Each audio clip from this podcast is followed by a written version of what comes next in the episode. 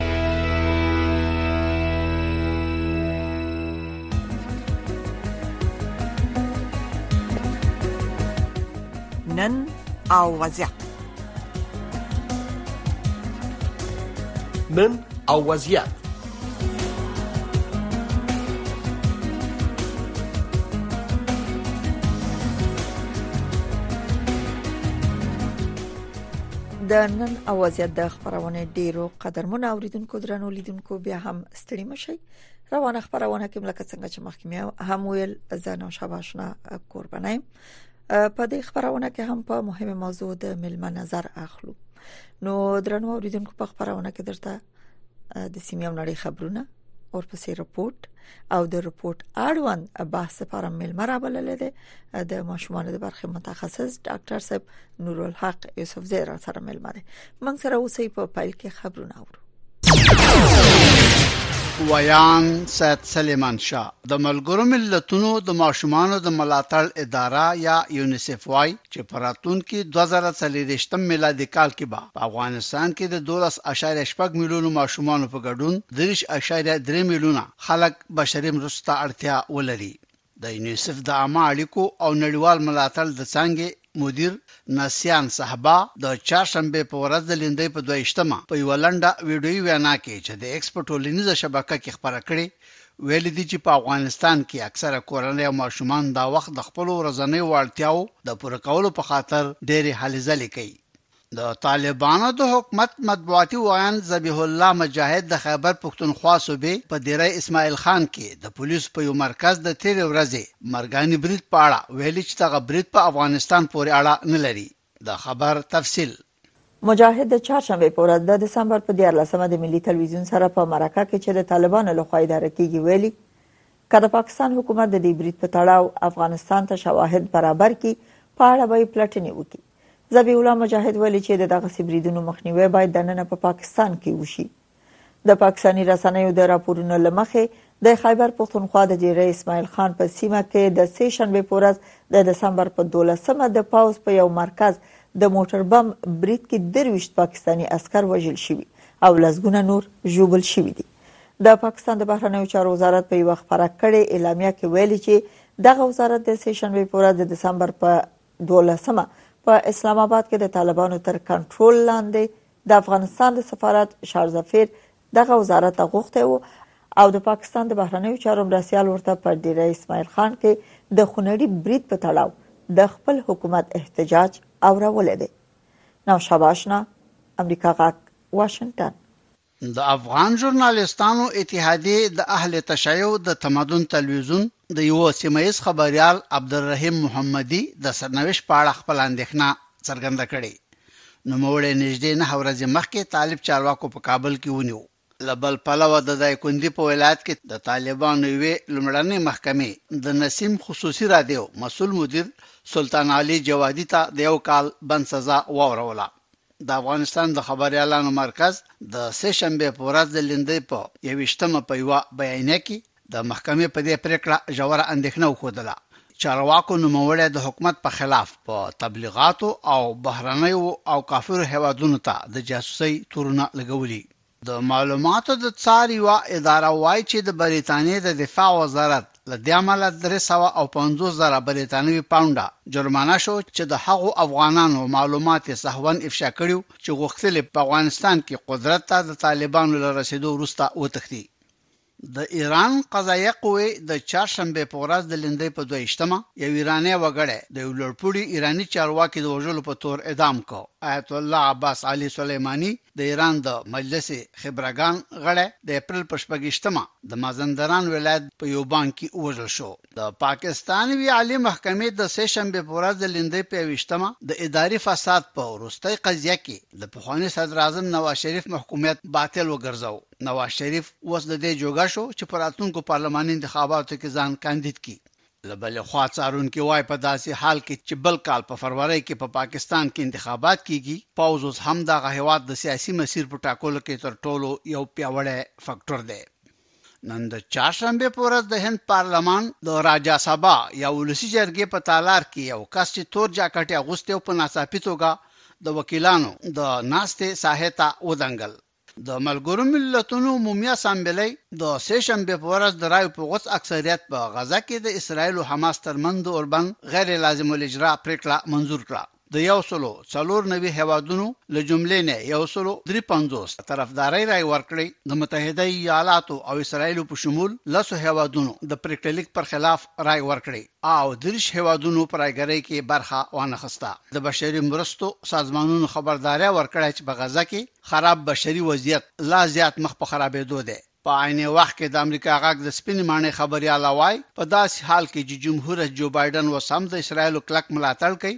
هغه د سې شنبې په ورځ د لومړي ځل لپاره د یوې انتخاباتي مبارزې په مهال په وینا کې په غزه کې د اسراییلو د پوځي عملیاتو په دوران کې په زیات شمېر د ملکیانو د وژل کېدو له امله خپله اندېښنه څرګنده کړه. جمهوررئیس جو بایډن د سه شنبې په ورځ په سپینه ماڼۍ کې د یوکراین له جمهوررئیس ولودومایر زیلینسکي سره له ملاقات وروسته کانګرس ته بیا خواست وکړ چې دغه هېواد لپاره یو شپېته میلیارده ډالره مرسته منظور کړي. اروپايي هېواد فنلنډ رسما د ناټو له تړون د یو دېرشتم غړي په توګه ومنل شو. د نیویارک پولیسو ویلي دي چې د دوشنبې په ورځ د دغه ښار د یوې اووه پوړیزې راغورځېدلې ودانۍ په خاورو او خځلو کې کوم مړی ونه موندو.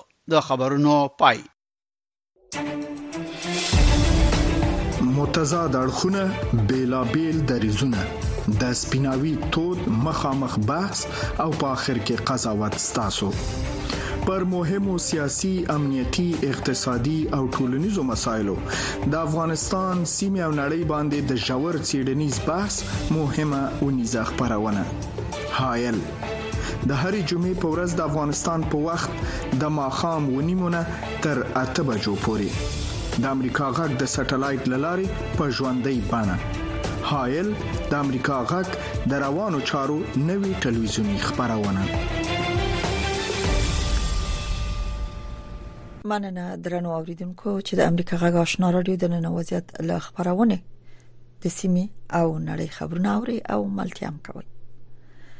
د افغانستان پلازمینه کابل چې د ګڼ نفوس په درلودلو سره خورا کار چاپیریال لري پکې د ساري او ویروسي امراضو احتمال هم زیات دی د کابل یو شمېر روغتیا پالانوي سرلوڅي ویالي ولاړې چټلې اوبه او ککړ چاپیریال د ساري امراضو ترڅنګ د پولیو ویروس د لیګد اسانه لارې هم دي او په اسانه په ماشومان کې خبرېدې شي چې باید ورته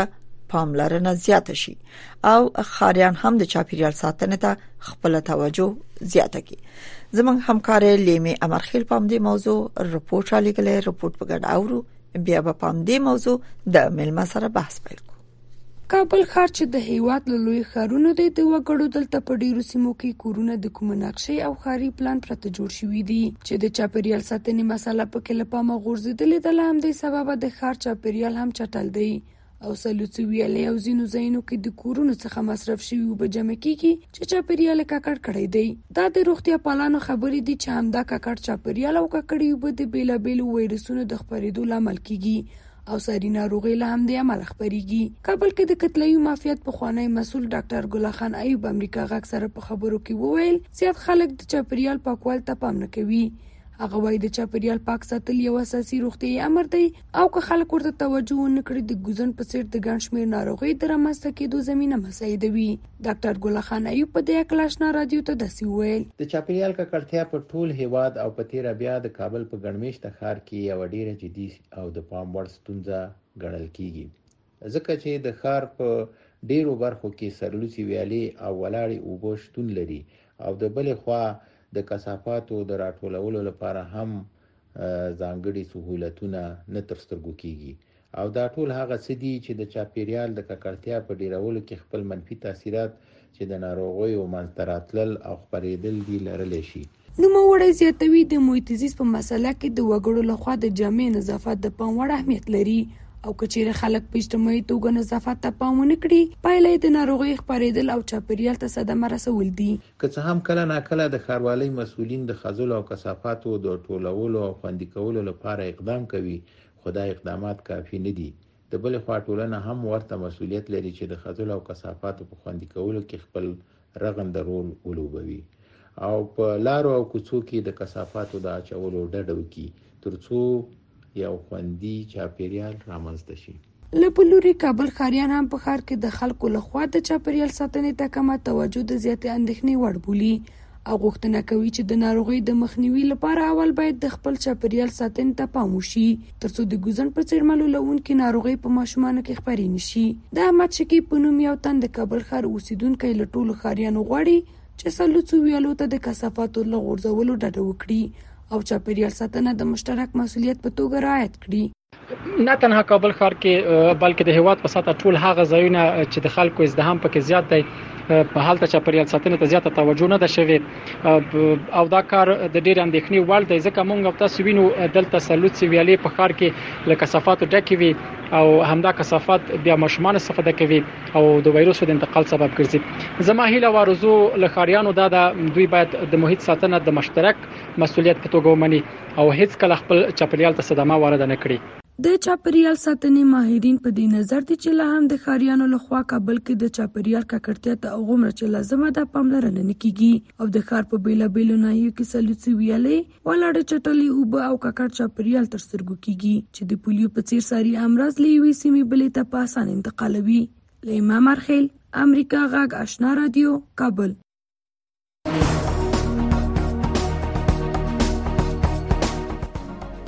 نن او وضعیت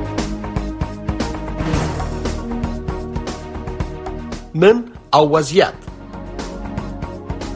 د نړۍ سیمې او افغانستان پر روانو چارو او د نن په وضعیت خبرونه رپورټونه مرکه او تحلیلونه هر شپه په 9 بجې د امریکا غږ آشنا رادیو نه واوري درنو اوریدونکو بیا هم د نن او وضعیت د خبرونه اوریدونکو است قدرمن ملما په خبرونه کې حضور تایید کوچ زمونږ حق اوري مونږ سره ده کنه ډاکټر نور الحق یوسف زید ماشومان او متخصص سلام مش ډاکټر صاحب زمونږ غاوري بله سلام بله سلام علیکم سلام تاسو ته سلام ټول همکارانو ته تاسو او ټول درنو اوریدونکو ته ډیر مننه ډاکټر صاحب چې بلنه منلې په خبرونه کې را سره استي او په دې مهمه صحي موضوع چې د اوریدونکو لپاره ډیره ضروری ده چې باید په دې برخه کې دوی پوي اوسي خصوصا افغانستان کې په کابل کې چې غنغونه دا هم د سپنورو ولایتونو کې چې تاسو نه مشورې واخلي تاسو نه واوري او په حساب هغه د پوهوي برخه ذهن ته وسپاري مننه تاسو نه کورم ودان ډاکټر صاحب معموله خبره ده اکثرا د ولاړ او په یو ځکه محیط افضل صحه یا د نور مسایل چې د محیط افضل صحه پورې مربوطه دا ویل کیږي چې د میکروب د انتقال سبب کیږي اما او د زنو امراضو عامل ګرځي خو د پولیو په برخه کې د ماشومان د ګزان په برخه کې شاید د ډیرو اوریدونکو سر په دې نه خلاص چې محیطي افضل صحه د ګزان د لمنځه وړلو په برخه کې یا د وایروس انتقال په برخه کې څومره ضروری ده غواړو تاسو نظر په واخلو ډیر ښه لکه چې تاسو ته معلومه ده اصلا دغه د ګوزن د ویروس انتقال طریقه موږ ورته فیکو اورال وایو بله یعنی دغه میکروب اصلا د انسان په کولمو کې الته پات کیږي عمل ته تکثر کوي او د غایطه مواد سره محیط ترازی او کله چې محیط تراغه مثلا د اوبو مخازن یا د اوبو ذخیره او د غذایی موادو خصوصا د سبزیجاتو او ترکاریو او د میوو د ملوث کېدو سبب کیږي بله چې څنګه دغه د څورته وی تشنابونه یعنی صحي تشنابونه یا مسؤون تشنابونه یا خاکنداز چې ورته وایي کنه بله دغه تشناب یا خاکنداز او یا د هغه چې خلک هغه په اصطلاح رفع حاجت کوي که دا صحي او پوښلې نه وي او محیط ته لار پیدا کی نو د ویروس د خطر انتقال ډیر زیاتیږي بل چې کزمنګا د اوبو هغه ذخیره مسؤل نه وي او هغه اوبه چې منګا یې چکو هغه پاک نه وي هغه مسؤل نه وي سر اخلاص وي نو کېدای شي چې دغه میکروب باندې ولړل شي او ناپاک او بوچکل دا دا هم د د دې وایروس د انتقال لوی لامل دی نو بیا هم تکراروم چې اصلا محیط د د مریض شخص حتی کله کله د سیم کې دی چې یو شخص دغه میکروب او ویروس په ځان سره لري خدای په خپل صحتمند دی یعنی په خپل په دې کې اعراض او علائم د مرض نشته خو میکروب اخیسته میکروب د کلمو کې شته میکروب دا د څو هفتو په پتول کې دا ته کېدای شي چې تخلیه کی او محیط ولړي کچېری تشنابون مسؤل نه ډاکټر صاحب افغانستان وضعیت تکرار شو کله یعنی کلیوالي سیمې سترګو ته ودرو اوس خو په خارونو کې مګنه ګونه به حد ډیره شوې ده اما که چیرته کلیوال سیمه په نظر کې ونیسو وګورئ پاکه او بو سي ته دوی د سکلو پاکه او بو ته سي او بو ته دوی لاسرسي نه لري محیطي افضل صاحب هغه رقم ده اته په خارونو کې ګڼمیشتو ځایونو کې محیطي افضل صاحب څنګه چې لازم ده چې باید وساتل شي هغه سه نه د اوبو ډنډونه شته دی یا نور موارد تاسو وګورئ چې دا ژمه تیر شي واوره ویل شي یا بارانونو نه ورسته وګورئ چې لارو کوڅو کې څه حالي دغه وضعیت ک سترګو ته ودرو څومره لازم په هغه څومره لازم دی د خلکو ته چې پوي شي چې دغه د چاپیریال د ساتنې پایلې د صحت لپاره د انسان او د غیر صحي برخه یعنی په برخه کې چې یو څوک کولای شي چې مثلا مریض کی دا څومره مهمه ده اوس د پوهاوی امکانات چې تاسو په افغانستان کې استي ګوري څومره څه کیږي په دې برخه کې مهمه خبره دا ده چې اوس خو د پوهاوی امکانات ډیر زیات دي سره لغم با وجود د زه زه زه متاسف پدیم چې دا کلمه وایم او دا دا خبره کوم اکثر خلک په دې پوېږي چې دغه دغه نظافت ډیر مهمه ده حتی حتی ټول په دې په دې لهجه وایي چې نظافت د ایمان جز ده خو عمل نشته منګه په افغانستان کې لوی بدبختی دا ده چې کله کله په خبره پویږو خو هغه نه عملي کوو دلته په افغانستان کې یو خو تاسو پوهیږئ چې شرایط اقتصادي ډیر خراب دي بل الله سره سه الله سره سه مثلا صحي او بوته خصوصا صحي او بوته ډیر کم دی د بل خو په خپل دغه خلکم ډیر زیات توجه خپل صحت ته نه لري د دې له خاطر ده چې تاسو ته معلومه ده چې هغه امراض چې په ټوله دنیا کې اوس کنټرول دي بله او وقوعات ډیر کم دي په افغانستان کې لا هم لا هم سکهال د د مړینې د ماشومان خصوصا د 15 کال خکته ماشومان هغه د ایثال لکبله د مړینې تعداد ډیر زیات او خوارځواکي دغه اوس دمدغه دوامدار اصالات له کبله کچه ډیره زیاته ده یو خو نه غربت ته لبل خو دغه د نظافت نظافت نه مراتي ډاکټر صاحب یوسف زه فکر کوم چې ډیر وخت دا د پولیو د نه محو کېدو یو علت بمدای چې خلک نظافت ته توجه نه کوي یا د چاپیریال پاک ساتنې ته توجه نه کوي دوه دوه خبرې دوه اصل دي دلته یو دا ده چې نظافت ته توجه نشته مخکې ما وویل چې یو خو دا د دولت د دولتونو هغه وظیفه ده چې صحي او به خلکو ته تهیه په مجموع کې دا خو الحمدلله چې په افغانستان کې هغه زمنګ چې په یادېږي دغه مسولیت خپل دولت هم نه ده نه ده تر سره کړي دومره خبره دا ده چې دغه دغه حد اقل صحي تشنابونه یا مسؤونه تشنابونه باید ایجاد شي هر څوک باید دغه دغه سوري لرونکو تشنابونو نه نور سر نظر وکړي چې تشناب د دوی په کور کې بند ده خو کوڅې ته خلاص ده دغه اصل باید لمنځه لاړ شي دا دومره خبره او دریمه خبره دا ده چې د دې شیانو په وجود یعنی وبو صحیح نه دي تشنابونه مسؤل نه دي سره لږه واکسین هم نه تطبیق کیږي دغه دې اصل د سبب کیږي چې لا تر اوسه هم په افغانستان کې د پولیو واقعات ولیدل شي او الله د پروس کال نن د اختر کال تعداد نسبتا زیات دی ټول اصلي لامل دغه درې خبرې دي د نظافت نه مراتول د د او د واکسین نه تطبیق کول بله د واکسین د تطبیق موضوع ذکر کړل څه فکر کوو چې د پخوا په پرتله چې اوس د طالبانو حکومت هم وی چې خلکو همکاري هم ډیره شوې ده ځنې ذهنیتونه وو د خلکو سره چې ترغه کچ هم اوس هغه ذهنیت نه دی پاتې لکه څنګه چې پخوا وو فکر کوي چې دا تطبیق د واکسین او سیاست سری شوی اسانه شوی دی که څنګه ګوره د د د واکسین د تطبیق مخکې لږ مشکلات په هغه ساحو کې چې خصوصا واکسیناتورانو لاسرسي نه درلود دلته به امنیت خراب و یا مثلا الته به جنگ جګړې او الته به ویره او یعنی واکسیناتوران به مناطق ته لاسرسي نه درلود اوس الحمدلله غو مشکل حل دی ټول سره سر په افغانستان کې امنیت او واکسیناتوران ټول قسمتونو ته ځي خو لا هم لا هم په ټولنه کې خو دغه د واکسین په مقابل کې هغه په اصطلاح مقاومت تر یو اندازې شته نو ځکه نو ځکه لا لا تر اوسه واقعیت په افغانستان کې شته خصوصا خصوصا دا دا ځل مخکې په هغه مناطق کې و چې هلته جنگ او هلته مثلا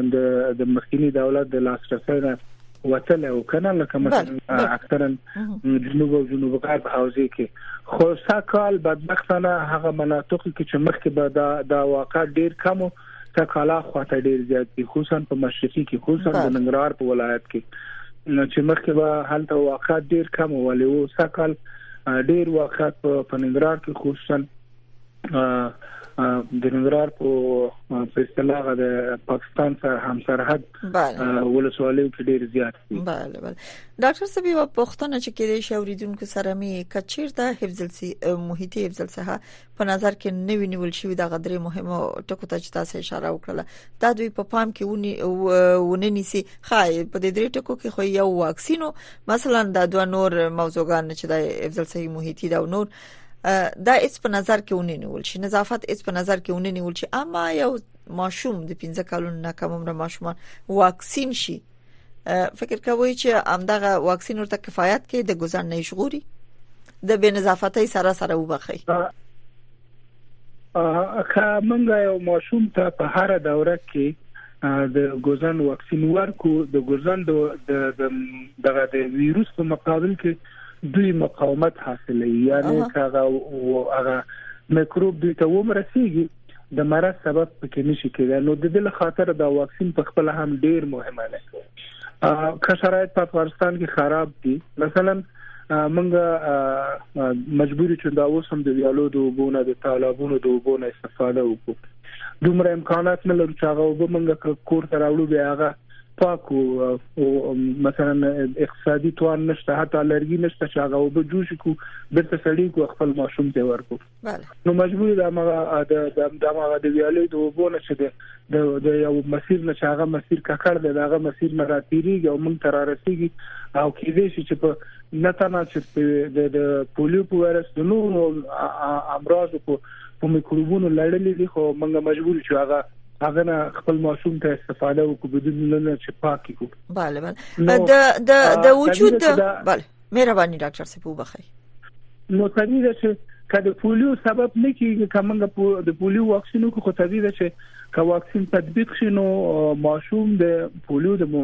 مقابل کې هغه خپل معافیت لاس ته راوړي یعنی دا هغه په مقابل کې معاف کیږي دا پولیو به د مرض سبب نه کیږي خو نور ناروغي لکه اسهالات لکه پیچشونه لکه محرقه او په صلاح او نور هضمي ناروغي سبب کیږي چې چوي ډاکټر صاحب د افغانستان خلک اکثرا ضعیف اقتصاد لري نو دا د نه خوراک لوجي یا غصحي خوړو نشټون چې د وجود هغه معافیتي سیستم کمزورې کوي دا څومره کله وجود کمزورې شي یا خواړه ماشومان ته ونه رسیږي څومره د پولیو امکانات شته دی یا څومره دغه ویروس په جذب کې دا رول لري چې قسم خواړه ورنکل شي ماشومان ته لکه چې تاسو و فرمایل ګوره کچې ته منګه ماشوم ته خواړه ورنکو طبيعي ده چې ماشوم خوارځوا کوي هغه خوارځوا که ماشوم کې اصلا دغه دفاعي سیستم ډیر ضعیف دی کومنګ چې ته واکسین مرته کوو په هغه کې دغه په وجود کې په کافي اندازه غو پروتینونه پروتینونه چې دغه د انټي بادي یا دغه مواد موافقتي مواد د تولید سبب نشي کېدای چون پروتین کم دی او دغه معافیتي سیستمونه مواد اصلا د پروتین نه جوړیږي بله نو دا هغه مواد نشي جوړولای او کېدای شي چې د مرزونو په مقابل کې مقاومت ډیر ټیټ وي با وجود د چې واکسینونه تطبیق شوي خو کافي انټي باډیګان نه تولیدېږي او کېدای شي چې د مرزونو لامل شي که یو ماشوم په خپل کورنۍ کې مثلا فالجواله یا ګزنی او څنګه دای د نور کورنۍ ته د انتقال عوامل امدادي کنه د په ارسی توګه انتقال دي شي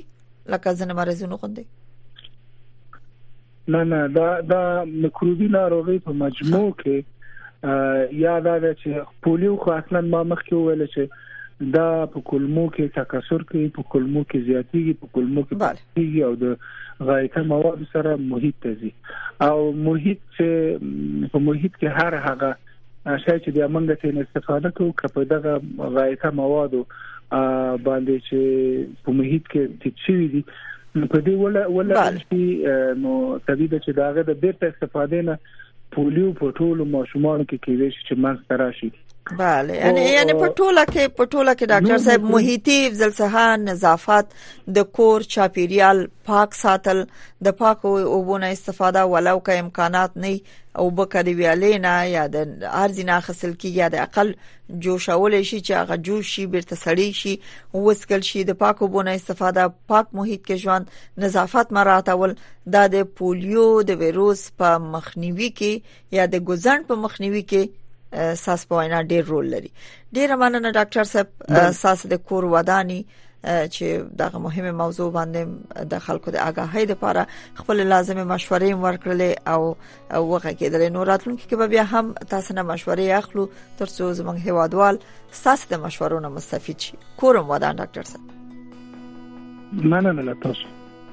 کور ودان درنو اوریدونکو قدرمنو لیدونکو د نن وضعیت خبرونه په همدې پای ته ورسیده په څو لاندې شیبو کې صداي شما یا تاسو خبرونه تاسو غږ خبرونه پیلېږي اوریدونکو او لیدونکو اوسئ په دې فکر وکړئ چې کومه موضوع سره ذهن عیار کړی دی چې تاسو به خپل خبرونه کې ګډون کوئ زه تاسو نه اجازه اخلم تر بیا لوی الله مالشه